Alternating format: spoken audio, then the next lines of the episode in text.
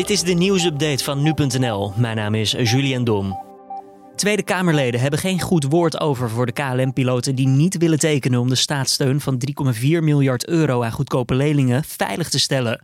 De piloten, die als enige groep werknemers binnen KLM niet akkoord zijn met de afspraken die het kabinet stelt als voorwaarde voor de steun, zijn volgens PvdA-Kamerlid Henk Nijboer volledig de weg kwijt. De irritatie werd kamerbreed gedeeld. 80% van een topsalaris is nog altijd beter dan een WW-uitkering. Al dus VVD'er Roald van der Linden.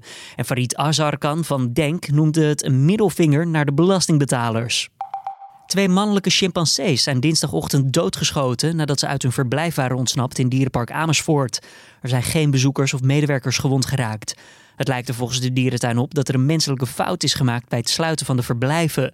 Omdat de dieren imponerend gedrag toonden, wat voor een gevaarlijke situatie kan zorgen, werd besloten om hard in te grijpen. De dierentuin noemt het een zwarte dag. De Oostenrijkse politie heeft in totaal 14 personen opgepakt in het onderzoek naar de terroristische aanslag in Wenen. Dat zegt de minister van Binnenlandse Zaken van Oostenrijk. Ook laat hij weten dat de politie denkt dat er maar één schutter was.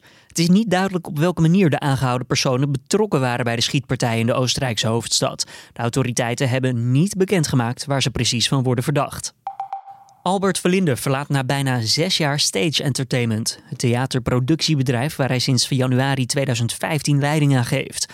De 59-jarige presentator zegt dat het een logisch moment is om te stoppen na al de jaren die hij daar heeft gewerkt. Wel zegt Verlinde zich te zullen blijven inzetten voor theater, onder meer als voorzitter van het Nationaal Theaterfonds en het Nationaal Theaterweekend.